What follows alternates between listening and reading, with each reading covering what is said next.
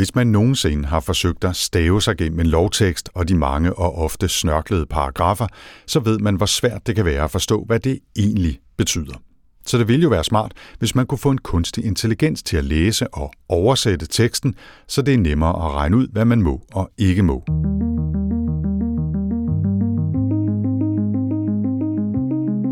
Velkommen til AI Danmark podcast. AI Danmark er et treårigt projekt, som hjælper små og mellemstore virksomheder med at komme hurtigere i gang med at udnytte data og AI-værktøjer i deres digitale omstillingsproces. I podcasten taler vi med en række af deltagerne i projektet om deres oplevelser og erfaringer med at implementere AI-løsninger i deres virksomheder. Og vi skal også møde nogle af de eksperter, som har hjulpet dem undervejs. I denne episode skal vi møde Morten Makar, stifter og CEO i DCR Solutions, som arbejder med sprogteknologi og forretningsprocesser. Og vi får også selskab af professor Thomas Hildebrandt fra Datalogisk Institut på Københavns Universitet, som har været AI Danmarks ekspert på dette projekt. Vi skal blandt andet høre om, hvordan man lærer en maskine at forstå lovtekster, og om perspektiverne for digitalisering af offentlige ydelser. Jeg hedder Anders Høgh Nissen. Endnu en gang velkommen til.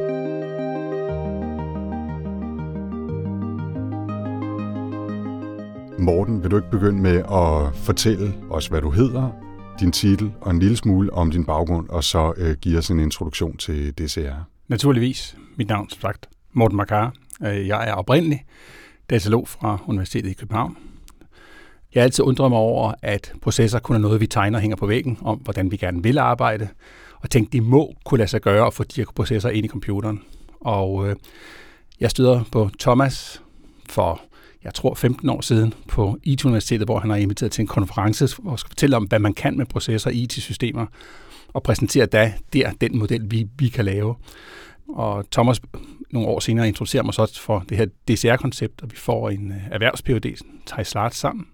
Og det fører så til i 2018 til, at vi øh, skaber firmaet DCR Solutions med det formål at markedsføre og sælge den her type teknologi til øh, virksomheder globalt.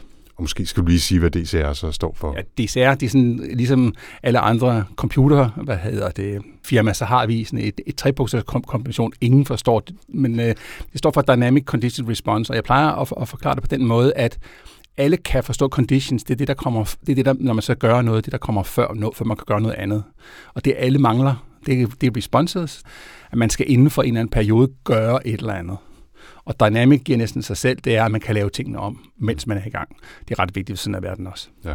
Og I har løsningen på det, Præcis, siger I, i hvert fald i firmanavnet. Ja. ja. Jamen, altså, det har vi jo fået sammen med forskerne, som har sikret sig, at det kan lade sig gøre. Præcis.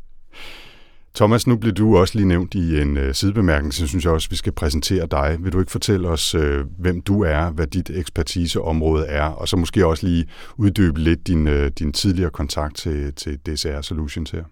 Jo, meget gerne. Uh, jamen, jeg hedder også Thomas Hildebrandt, og jeg er professor på Datalogisk Institut uh, på Københavns Universitet. Men før det, der var jeg 18 år på øh, uh, IT-universitetet, og, uh, og der kom jeg med en meget teoretisk baggrund uh, med matematiske processer. Så, så det var min baggrund, det var at komme med den her matematiske baggrund, og så kaste mig ud i, i virksomhedssamarbejde, og det har jeg så uh, gjort lige siden. Ja. Og hvad har du fokus på i dag, hvis øh, man kan sige det med, med få ord? Jamen altså, det er at bruge kunstig intelligens på en ansvarlig måde til beslutningsstøtte, både i det offentlige og det private. Ja. Morgen, vi vender tilbage til dig. Øh, fortæl lidt mere om, hvad, hvad DCR Solutions laver. Altså, hvad er ideen med at have etableret det som, som virksomhed? Grundideen er jo med de her processer her, øh, at give støtte til medarbejderne. Fordi man kan sige, at AI kan bruges til rigtig, rigtig mange ting, men, men der er ligesom dimension, vi, vi, vi engang mangler, det, øh, det er, at når vi snakker om AI, så de fleste de taler om automatisering. Øh, jeg, jeg stiller altid spørgsmålet, men så har vi jo en kommune eller en statlig styrelse uden medarbejdere, og så bliver det sådan helt stille. Nå nej, det er ikke det, vi mener. Vi mener ikke automatisering. Det vi mener, det er det samarbejde, der foregår mellem computeren og mennesket. Og måske have mere større fokus på, hvad er mennesker gode til, at bruge dem til det, og hvad er computere gode til, og så bruge dem til det. Så det er ikke et enten eller, det er et både og. Så jeg synes, den, den fortælling er en meget vigtig fortælling. Øh, det, nogen begynder at bruge ordet hybrid intelligence om det, i stedet for at kalde det kunstig intelligens, så kalder man det hybrid intelligence, hvor man bruger det bedste af begge verdener, og hvad kan man sige, gør begge dele bedre. Øh, og jeg synes, den, den dialog er mere interessant end, kan vi automatisere et eller andet? For ja, det kan vi nok godt, men hvis vi kigger for eksempel på, på offentlig forvaltning og, og beslutninger, forestiller vi os så, at computeren siger et eller andet, øh, du, du ansøger om et eller andet, siger den nej eller ja, og der er ingen, der ved rigtig hvorfor. De, de, jeg tror ikke, det er det, vi forestiller os. Og så bliver det svært, så snakker vi om det her med, at man kan ikke forstå det, computeren foreslår, og så skal vi have, finde modeller for det. Jeg tror, man skal gå en helt anden vej, og det er at finde ud af den her, den her, den her samarbejdsmodel mellem, mellem de to verdener, for de kan begge to noget, der er godt. Ja. Jeg har, jeg har fulgt det her AI-felt øh, i, i en del år efterhånden, har også været ude som den, øh, hvad kan man sige, lægmandsformidler jeg er, og holde foredrag om det og fortælle folk, hvad det er for noget. Og jeg plejer at sige, at jamen, AI er vigtigt, men IA, forstået som Intelligence Augmentation, er øh, næsten mere vigtigt lige nu, altså samarbejde mellem mennesker og maskiner. Jeg synes, det her hybrid intelligence er faktisk et, et meget godt ord for det. Det, en, det er en, en, en mere farbar vej at gå, øh, i hvert fald på rigtig mange områder. Der er jo også ting, hvor avancerede algoritmer eller kunstig intelligens er fine, og hvor vi ikke behøver at blande os. Altså, det er jo blandt andet noget det, vi gør med selvkørende biler. Men lad det nu ligge. Den her case, som I har med i AI Danmark-forløbet, øh, fortæl lige om den, øh, Morten. Jamen, det, der var, det, der var formålet, det var sådan set at prøve den her teknologi af og sige, jamen, er vi i stand til at tage regler, love og skabe de her deklarative øh, AI-modeller, som kan bruges til, til beslutningsstøtte af forskellige art. Øh, så det var sådan set det, der var, øh, hvad kan man sige, var formålet med projektet. Og man kan sige, til det går der selvfølgelig både øh, klassisk natural language processing, hvor man kigger på øh, sproget, hvad, hvad står der i love og regler, og kan man danne modeller, hvor langt kan man komme og danne modeller. Jeg tror, en af forskerne på et tidspunkt sagde et eller andet nøgletal. Øh, med, med de første algoritmer kunne vi nå 71 procent af loven. Altså præcisionen i algoritmerne er cirka 71% rigtige. Det betyder jo igen det her med, computeren kan vi, vi kan ikke automatisere 100%, men den har alligevel værdi, fordi jeg får hjælp som medarbejder, når jeg skal forstå det her, så hjælper det med, med at læse teksten. Og jeg tror, det her med, at det, det centrale er, at det er et samarbejde. Men jeg kunne godt tænke mig lige at høre, om I har et, et konkret eksempel på et, altså et, et område, altså et, et fagområde, øh, en, en bestemt øh, problemstilling, som I har taklet her, bare for at give os en, en lidt mere konkret forestilling om, hvad det er, der sker i processen her med at, at lade et system forstå teksten, og hvordan det så kan anvendes osv.? Jeg kan godt kommentere på det. Man kan sige, vi har lige haft en øh, advokat med 20 års erfaring i hænderne, Øh, og man kan sige, at hans problemstilling var, at han havde et fagområde, som jo var hans, hans speciale, som han ønskede at få repræsenteret øh, i sådan et sådan, sådan en beslutningsgraf. Det vil sige, øh, use casen for ham er, i, i dag skal alle kontakte ham, uanset hvor det er i den her store virksomhed, skal kontakte ham for at få svar på, hvad må man i den her situation her. Og det ville være smart, hvis han kunne tage sin, hans viden og putte den ind i et eller andet system, sådan en beslutningsgraf, som medarbejderen kunne bruge, så han ikke skulle blive spurgt hver gang på en mail, men så mange af de her spørgsmål måske kunne håndteres øh, automatisk. Og så er selvfølgelig udfordringen, hvordan får vi den viden ud af hans hoved? Altså, man kan sige, at vores metode går på, at det er ham, der så gør det. Det er ikke sådan, så, at vi skal være konsulenter, og så skal vi spørge ham, for det er jo ham, der er eksperten, så han er nu nødt til at kunne udtrykke øh, den viden, han har. Og det var han faktisk i stand til. Men jeg synes, det mest interessante var, at han ligesom sagde, jamen hov, de her 20 års erfaring, jeg har som advokat, er faktisk nu til en stor del nu rum, rummet i denne her algoritme, som jeg selv har designet. Jeg stillede så ikke spørgsmålet, hvad du så laver bagefter, men det kan man så filosofere lidt over. Hvis, hvis nogen vil betale ham nok penge for det, så kan han jo trække sig tilbage. Det vil han sikkert synes var hyggeligt. Men altså, det betyder, at i virkeligheden så prøver I at indfange og systematisere og beskrive i en eller anden form for algoritmisk proces det, som er hans viden om forståelsen af lovteksten. Er det, er det sådan nogenlunde rigtigt præcis. forstået? Okay. Præcis. Altså, det er præcis det er den, jo, han har jo både love, men det er, det er jo lovefortolkning og domme, men det er jo hele den viden, han får udtrykt, for det er jo selvfølgelig ikke kun lovteksten. Der er jo også andre elementer af det. Domme jo er helt oplagt at sige, hvordan skal de her love fortolkes, det der ligger der over domme for. Så det er jo summen af alt det her. Og der er selvfølgelig også en risikobetragtning. Det, det kommer i hvert fald bag på mig, at jeg, jeg havde den her naive tro på, måske nu er jeg ikke jurist, på at love, de var binære. Det er de ikke. De, der er meget stort element af fortolkning, og der er også et stort e- element af risikovurdering. det kan godt være, at jeg ikke må gøre det her, men hvad kommer det til at koste mig? Hvad er straffen? Det kan være den bøde, øh, jeg får, men så skal jeg afveje den bødestørrelse i forhold til den risiko, jeg tager. Det har ikke sagt, at man vil overtræde loven, men der er nogle, er nogle situationer, som er meget svære at håndtere. De er, altså, det slår vil gerne have det 1 og 0, men sådan er verden ofte ikke svær. Man giver det konkrete eksempel, vi kiggede på sammen med, med Kommunernes Landsforening. Det var øh, ansøgninger om landzonetilladelser. Øh, og der er en paragraf 35, øh, om, som siger, hvad man gør, når man søger. Og så er der så en paragraf 36, som er 17 undtagelser. Og det er jo sådan et eksempel på de her knopskydninger, ikke? Øh, så, øh, som siger, at tilladelse kræves ikke hvis, og så er der så 17 punkter. Ikke? Og det er jo alt lige fra parabolantenner til genoptagelse af helårsboliger og byggeri, der er fritaget, fordi det skal bruges øh, i forbindelse med offentlig trafik eller et eller andet. Altså, så mm. det er mm. virkelig kompleks, og det, det er meget svært at fange ind i en tabel øh, og sige øh, ja-nej øh, til det. Øh, så der er det, der er behov for noget, noget, noget lidt mere avanceret end en, en beslutningstabel eller et beslutningstræ.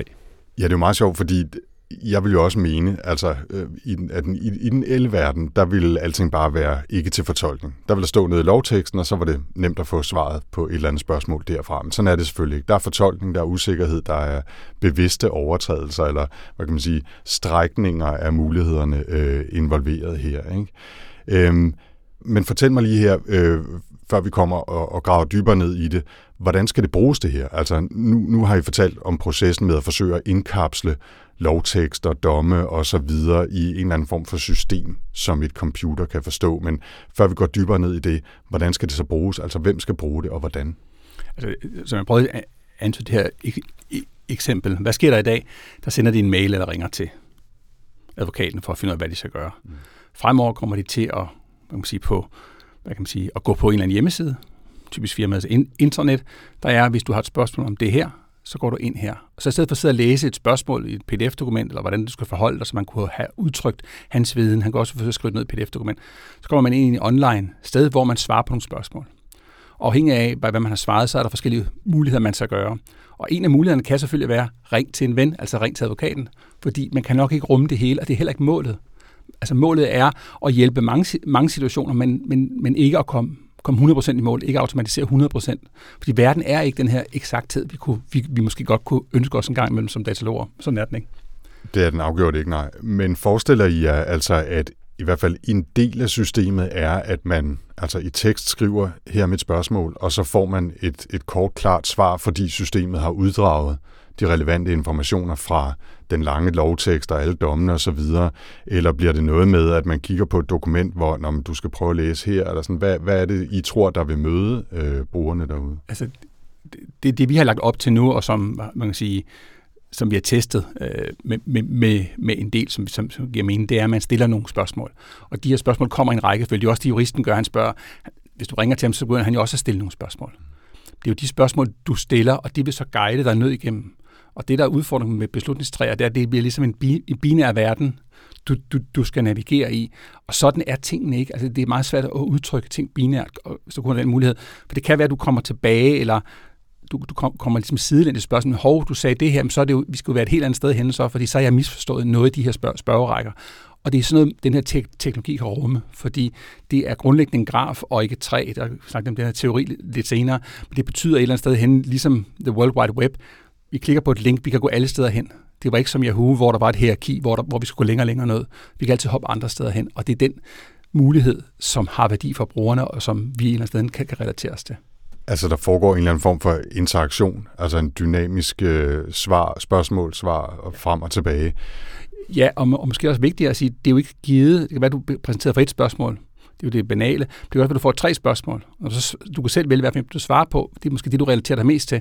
Og når du svarer på det, så ændrer de spørgsmål, du nu har. Så det ændrer sig hele tiden dynamisk af den situation, så du har et vist, et, altså et vist udfaldsrum, du selv kan vælge indenfor.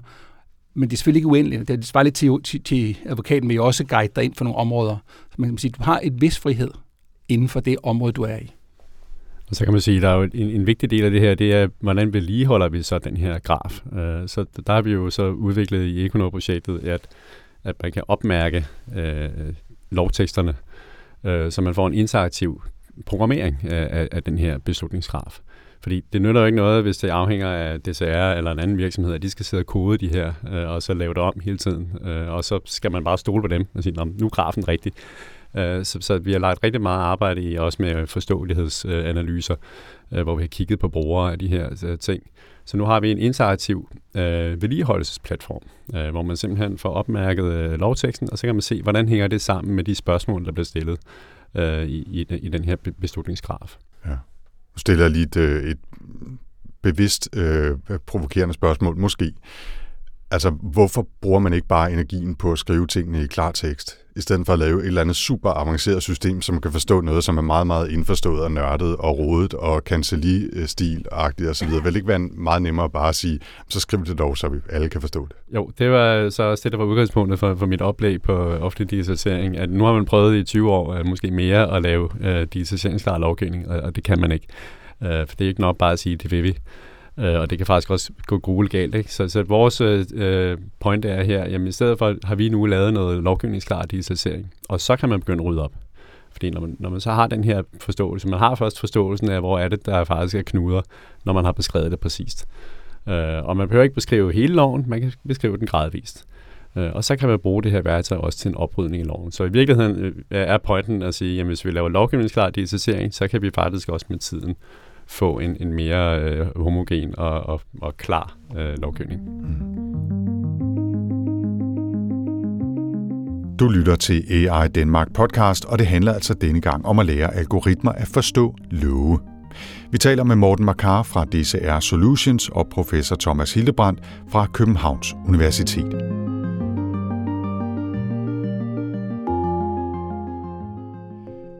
Hvordan har I grebet det her an? Altså, øh, man, kan, man kan jo lave den her slags systemer på forskellige måder. Man kan lave træer, eller altså sige, om hvis der sker, øh, hvis det her øh, findes, så gør vi sådan der, den ene eller den anden ting. Eller man kan lave analysesystemer, som øh, bruger hvad hedder, altså sandsynlighedsberegninger i virkeligheden for sådan, om det, vi skal nok mest derover, så træner man nogle algoritmer osv. Det ved I meget mere om end, end, end mig. Men prøv at fortælle mig så, hvad er det for nogle forskellige tilgange, man kunne gøre til, til sådan et system her, og hvad har I valgt at, at, at arbejde med, Thomas? Jamen, øh, det, det, det bunder så ud af min baggrund øh, i, i matematiske procesmodeller, øh, og der har vi så taget tilgang øh, øh, og digitalisere regler. Øh, så, så det er de her logiske regler, som også blev navnet for, for DCR, øh, betingelser og responses, eller opfølgende handlinger. Øh, og der har vi så vist en rent øh, matematisk, at, at man kan udtrykke det hele ved hjælp af de her simple regler. Øh, Øh, men vi har så også vist nu rent empirisk i samarbejde med brugere, at det faktisk også er forståeligt, øh, at, man, at man kan lave den her øh, logiske øh, model øh, af, af de ting. Og så er der selvfølgelig tvetydigheder og uklarheder i lovgivningen, men de dukker jo så op. Øh, og så er nogle steder, der siger, at det er fordi, at her skal det være uklart. Øh, der skal man træffe skøn. Jamen, så bliver man bevidst om det. Og andre steder siger man, her, det var faktisk ikke meningen, det skulle være uklart. Øh, og så kan man rydde op. Ikke? Så i virkeligheden altså er det et, et, altså et fastlagt vej, kan man sige, igennem det, det er ikke et fastlagt vej, det er mere ligesom et, et vejkort øh, i København. Der er ikke nogen fastlagt vej igennem, men der er nogle veje, der fortæller, øh, hvor må du køre, øh, hvor der er ensrettet, og hvor, hvor må du dreje til højre, hvor må du ikke. Øh, så det er de regler, vi modellerer. Øh, og så kan computeren så hjælpe dig, hvis du siger, jamen lige nu vil jeg altså gerne til Gamle Kongevej, øh, Lydens Hus, øh, jamen så kan den finde den, den rute, der, der passer øh, lige nu. Det er jo et fantastisk godt billede, altså at man beskriver et vejnet og nogle regler for, hvordan man må navigere det.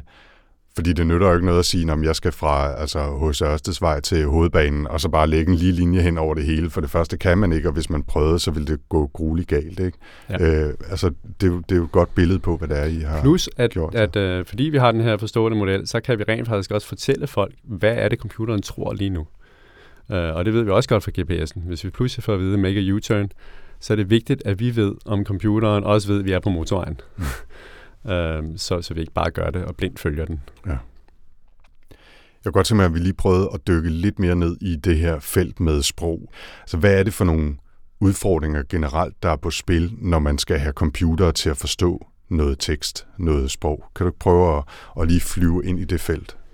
Jo, altså, øh, hvis, hvis man kan have computeren til at læse sproget, så er udfordringen selvfølgelig, for det første skal man have en, en model af, hvad er det for nogle forskellige ord, vi har i, øh, i, i sproget. Øh, Og så er det næste lag, hvad er så betydningen af, at, at de er ved, ved siden af hinanden, når de kommer i sammenhæng? Øh, og der er selvfølgelig forskellige sprogbrug øh, inden for forskellige domæner. Øh, så hvis vi har trænet øh, en computer til at forstå øh, en type sprog, som er inden for maskinproduktion eller andet, så er der noget andet, der står i serviceloven. Så, så der, er, der, der er nogle generelle øh, sprogmodeller, og så er der nogle domænespecifikke. Øh, så, så der er selvfølgelig en udfordring, og, og det er jo så noget af det, som øh, Morten i virkeligheden har ved mere om nu, fordi det har de arbejdet på øh, i, i virksomheden med, med de her NLP-teknologier hvordan kan vi så lave noget generelt, så vi hurtigt kan, kan skalere til, til nye områder. Øhm, øh, og, og vi er lige nu i gang med at lave et nyt samarbejde med Dansk Center for Sprogteknologi, som sidder på en stor dansk sprogressource, fordi en, en anden udfordring er selvfølgelig, at, at mange af de modeller, som er trænet, de er trænet på engelsk. Øh, så på den her måde er vi, vi siger, at vi har faktisk øh, nogle tekster her, det er lovtekster, øh, der findes mange af dem, øh, så vi har faktisk et godt udgangspunkt for, øh, for, for at lære noget, noget, noget dansk sprogforståelse her. Ja en, en interessant ting er jo, at i virkeligheden, at jeg tænker, at mange moderne modeller er trænet på et, et, et stort korpus og et, et, et meget diverst korpus, hvor jeg kan huske, da jeg først begyndte at, at kigge på folk, der lavede noget med sprogteknologi for 20 år siden, der gjorde man jo lige præcis det, man trænede dem på øh, lægers sprog eller advokaters sprog, fordi det var vigtigt at have noget, der var enkelt og konkret og øh, specifikt, kan man sige, hvis man ja, skulle øh, få nogle modeller til at lære det. Morten, du markerede også. Jeg havde også en kommentar, fordi jeg tror hele det her... Øh altså hele, hele det sprogspace har jo ligesom det, øh, i, altså jeg bruger det billede om det, den, den måde, man klassisk går til at forstå sprog på. Det er jo ligesom, vi lærte tysk i folkeskolen med, med grammatik, det er ligesom datalogen, der skal programmere. Vi, vi tager hver element, og så skal vi forstå det. Så tror vi, fordi vi kan forstå hver element, så kan vi forstå sammenhæng og hvad det betyder. Og man kan sige, det vi arbejder med nu, det er mere som børn lærer sprog, at vi at lade juristerne opmarkere øh, loven, og så kigger på de opmarkeringer og siger, at hvis de opmarkerer på den måde, så må det jo være rigtigt. Og fordelen ved det er, så behøver jeg ikke at forstå i helt samme grad den tyske grammatik. Og det har den fordel, at man formodentlig hurtigere kan komme betydeligt længere end de klassiske modeller. Og det er det, set det, vi kigger på. Og når jeg spørger de her sprogforskere om det, og bruger det her billede, så nikker de og siger, mm, det er der noget om. Vi har ikke vist det endnu, men øh, som jeg siger, hvem gider tysk grammatik, hvis vi kan lære det som børn lærer sprog? Det øh, burde være ret indlysende. En anden ting, man kan sige, det er netop de her modeller, som, øh, øh som er trænet på enorme mængder. Øh, de er måske ret gode til øh, at, at lave noget, der ligner noget, et menneske har lavet, men, men, men der er ingen forståelse bag. Så der er ikke nogen øh, logisk model bag, som man kan trække ud og sige, nå ja, men det er rent faktisk, og det giver mening. Øh, og der, der har vi den der anden tilgang, der siger, jamen vi, vi kan godt bruge de generelle teknikker til at genkende udsagnsord og navneord og, og må og skal og har mulighed for. Men, men for, vi får forståelsen med, for vi får bygget en, en, en logisk model af, af reglerne. Øh, så, så i stedet for at få en papegøje, der kan sige noget, der lyder meget som om en jurist øh, havde sagt det, øh, så kan vi rent faktisk øh, få en, en, en forståelig beslutningslogik øh, trukket ud af teksten. Er der nogle ord eller begreber, som er så mangetydige eller svære at ligesom sætte et flag i, at jeres system, jeres løsning kommer til kort her? Altså er det noget, I støder på? Øh, i, i, I daglig sprogbrug vil man jo tale om sådan noget som sarkasme eller ironi, men det er nok ikke noget, der dukker voldsomt meget op i, i lovtekster og den slags. Men hvad, hvad støder I på i, i den kontekst? Altså, jeg ved, det er et problem, altså man kan sige, fordi lovtekster er jo ikke altid entydig, og man kan sige, til forskel fra computerprogrammer har man jo i den juridiske verden altid den mulighed, man kan gå til en dommer og få en afgørelse på, hvordan det her problem det skal fortolkes. Og man kan sige, det har man ikke i, i, i en computer, i hvert fald ikke i dag. Der er ikke nogen, der har fundet på at lave en elektronisk øh, domstol. Det kunne måske være meget interessant sidespor, men lad os lige altså, pak, altså, parkere den. Så når man kigger på lovgivningen, så står man nogle gange med situationen, hvad betyder det her? Det kan godt være, at computeren har et billede af det. Og jeg tror, at en af forskerne fandt ud af, at vi, vi kunne sige nu, at vi var, når den læser den her lovtekst, så er den 71 procent øh, præ- præcis, og det kommer tilbage til der hybrid intelligence. Målet er ikke at lave en computer, der kan læse loven og forstå den 100%. Men, men, men målet er at lave en, der er god nok til, at jeg som øh, den, der skal lave, advokaten, der skal lave den her model, får stor hjælp til det, og i øvrigt også kan reflektere og sige, okay, det giver meget god mening, det der, det giver ikke nogen mening. Øh, men, men konkret er det et problem, fordi der er lovtekster, når du læser det. Der kan man sætte samme i to forskellige love, der, hvor du nemlig skal læse det, der ikke betyder det samme. Fordi det er også afhængigt af den kontekst og de bemærkninger, der er til loven. Det er jo noget, jurister siger, hvad var forarbejdet på loven, hvad var høringsvarene? Det giver jo en, en, en fortolkning, hvordan det her det skal læses. Og der er mange dimensioner i det der, og det er, hvor det er svært. Og, og laver man så også en løsning, der siger, at systemet kommer tilbage og siger, jeg er usikker på det her, eller jeg er 70% sikker på, at det her er rigtigt, eller jeg er 98% sikker på, at det er rigtigt, men de her 2% fatter jeg simpelthen ikke. Altså. Ja, præcis. Jamen, det, det er faktisk det, der er lavet den der interaktive løsning. Den kommer op med at sige, at vi tror, det her det er en regel, øh, og det er en opfølgning øh, med den her øh, sikkerhed. Øh, er du enig? Og så kan man så klikke ja, eller man siger nej. Det, det. Og nogle af de der ting, vi har udvidet systemet undervejs, hvor, som havde udfordringer, det var netop, at der er referencer på kryds og tværs af lovgivningen. Øh, og, og, og landzonetilladelse var et eksempel. Ikke? Der står, hvad man skal gøre for at søge landzonetilladelse, og så er der en helt paragraf, der står, hvornår gælder det ikke. Øh, og, øh, og inde i alle de underpunkter, der er så også, altså, hvor er det lige, der står ikke, og, og, og øh, hvad betyder det så lige, når det er udvinding af råstoffer? Øh, altså, så der, der ligger en masse baggrundsviden, som man som menneske ved, øh, men som computeren skal, skal trænes i. Så der er det bedre bare at sige, den kan genkende ordet udvinding af råstoffer, men så må man selv som menneske øh, finde ud af, hvad, hvad det vil sige. Så er vi tilbage til den hybride intelligens. Ja. At nogen gør noget, og vi gør noget andet. Hvad, hvad er næste skridt i forhold til øh, jeres arbejde med udgangspunkt i det her projekt? Jamen, næste skridt er at få det endnu længere ud. Altså, vi, vi er i dag i, jeg tror, fem løsninger. Thomas nævnte Esbesys, en af dem, øh, hvor vi har nogle kommuner på. Vi har et samarbejde med KMD, som, hvor vi tror, vi er, øh, de, har, de, de har været i gang en del over det her samarbejde, hvor jeg tror, vi er i to systemer i dag med en, med en række kunder, og vi taler med flere og flere, øh, hvad kan man sige, større IT-huse, IT-leverandører. Og selvfølgelig drømmen er, hvad, kan man sige, hvad, hvad kunne det være? Jamen, komme ind i SAP, Microsoft eller Salesforce kunne være helt fantastisk. Så det står på ønskelisten, og vi kigger på projekter. Ja. Hvis vi lige fortsætter den del af det, hvad har været og er, tror du, de største udfordringer i forhold til at gøre det til en forretning, det her? Fordi det er jo super spændende, altså øh, teknisk arbejde, der foregår, og det bygger på en masse forskning, men det skal jo også blive til noget rigtig forretning, og måske endda noget voksende forretning. Hvad er det for nogle udfordringer, som rammer jer der? Jamen altså, altså de fleste af os har, har, har jo det her med, med forandring. Vi, vi vil alle sammen gerne forandring, bare, bare det ikke os selv, der skal andre, for, altså forandre os. Og man kan sige, det der er den hvad kan man sige, øh, kommersielle udfordring, det er, at folk tænker, vi, vi har jo måder, vi køber og anskaffer ting på, vi drifter ting på, vi opdaterer ting på og laver det om på. Rutiner, der bygger ind i organisationer, karriere, som folk har for at kunne arbejde med de her ting her. Og så kommer vi med en teknologi, som siger, ja, men det er super smart, nu skal vi høre her, vi kan gøre det på en anden måde, som er mere effektivt og som kræver nogle andre kompetencer. Og det er klart, det stiller nogle udfordringer til de organisationer. Det stiller også nogle udfordringer til os at få kommunikeret det her. Og jeg talte faktisk med en organisation, som ligesom havde det her billede af at sige, jamen hov, øh, det må IT-leverandøren tage sig af, alt det her med processer, hvordan man så gør det. Så siger jeg, jamen hov, det er jo jeres processer, det er jo kun jer, der har dem i hele verden, der er jo nogen andre, der har dem. Og jeg kan godt se, at de, de lige pludselig reflekterede over det, og tænkte, jamen hov, de er nødt til selv at tage det ejerskab. De var vant til at skrive ned i et Word-dokument et eller andet, og så kom der noget i den, i den anden ende, og så håbede de på, at det var rigtigt. Men lige pludselig kan de tage det ejerskab, og det er klart, det kræver nogle andre kompetencer og en anden måde at tænke på. Og man kan sige, det er den udfordring, vi, vi et eller andet sted hen adresserer hver eneste dag i det, vi laver. Og ligesom få folk til at gentænke den måde, de løser de her problemer på. Og hvor møder I dem så som virksomhed eller løsning, I sælger til dem? Altså hvis det er deres viden, der skal øh, indkodes i systemet, og I laver systemet. Altså hvordan er den dynamik? Fordi I sælger dem jo ikke bare en office-pakke, så må de selv finde ud af, hvad de skriver.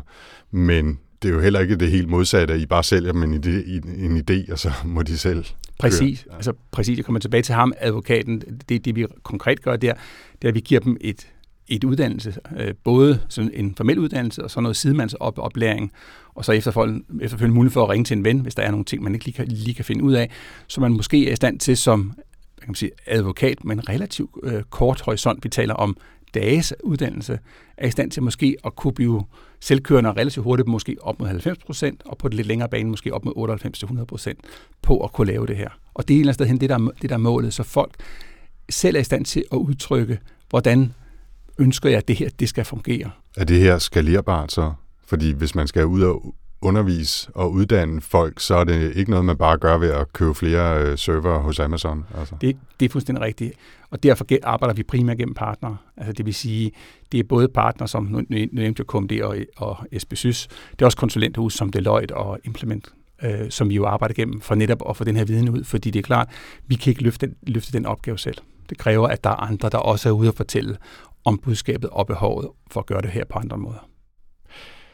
Her til sidst, øh, Thomas og Morten, Hvad har I lært i jeres arbejde med det her projekt hos øh, DSR Solutions, som I tror andre danske virksomheder derude, som ønsker at arbejde med noget i det her felt, kunne drage nytte af og vide noget om? Altså læringer eller inspiration, som I godt kunne tænke jer at lige sætte et lille flag i, når I øh, giver det videre til folk derude?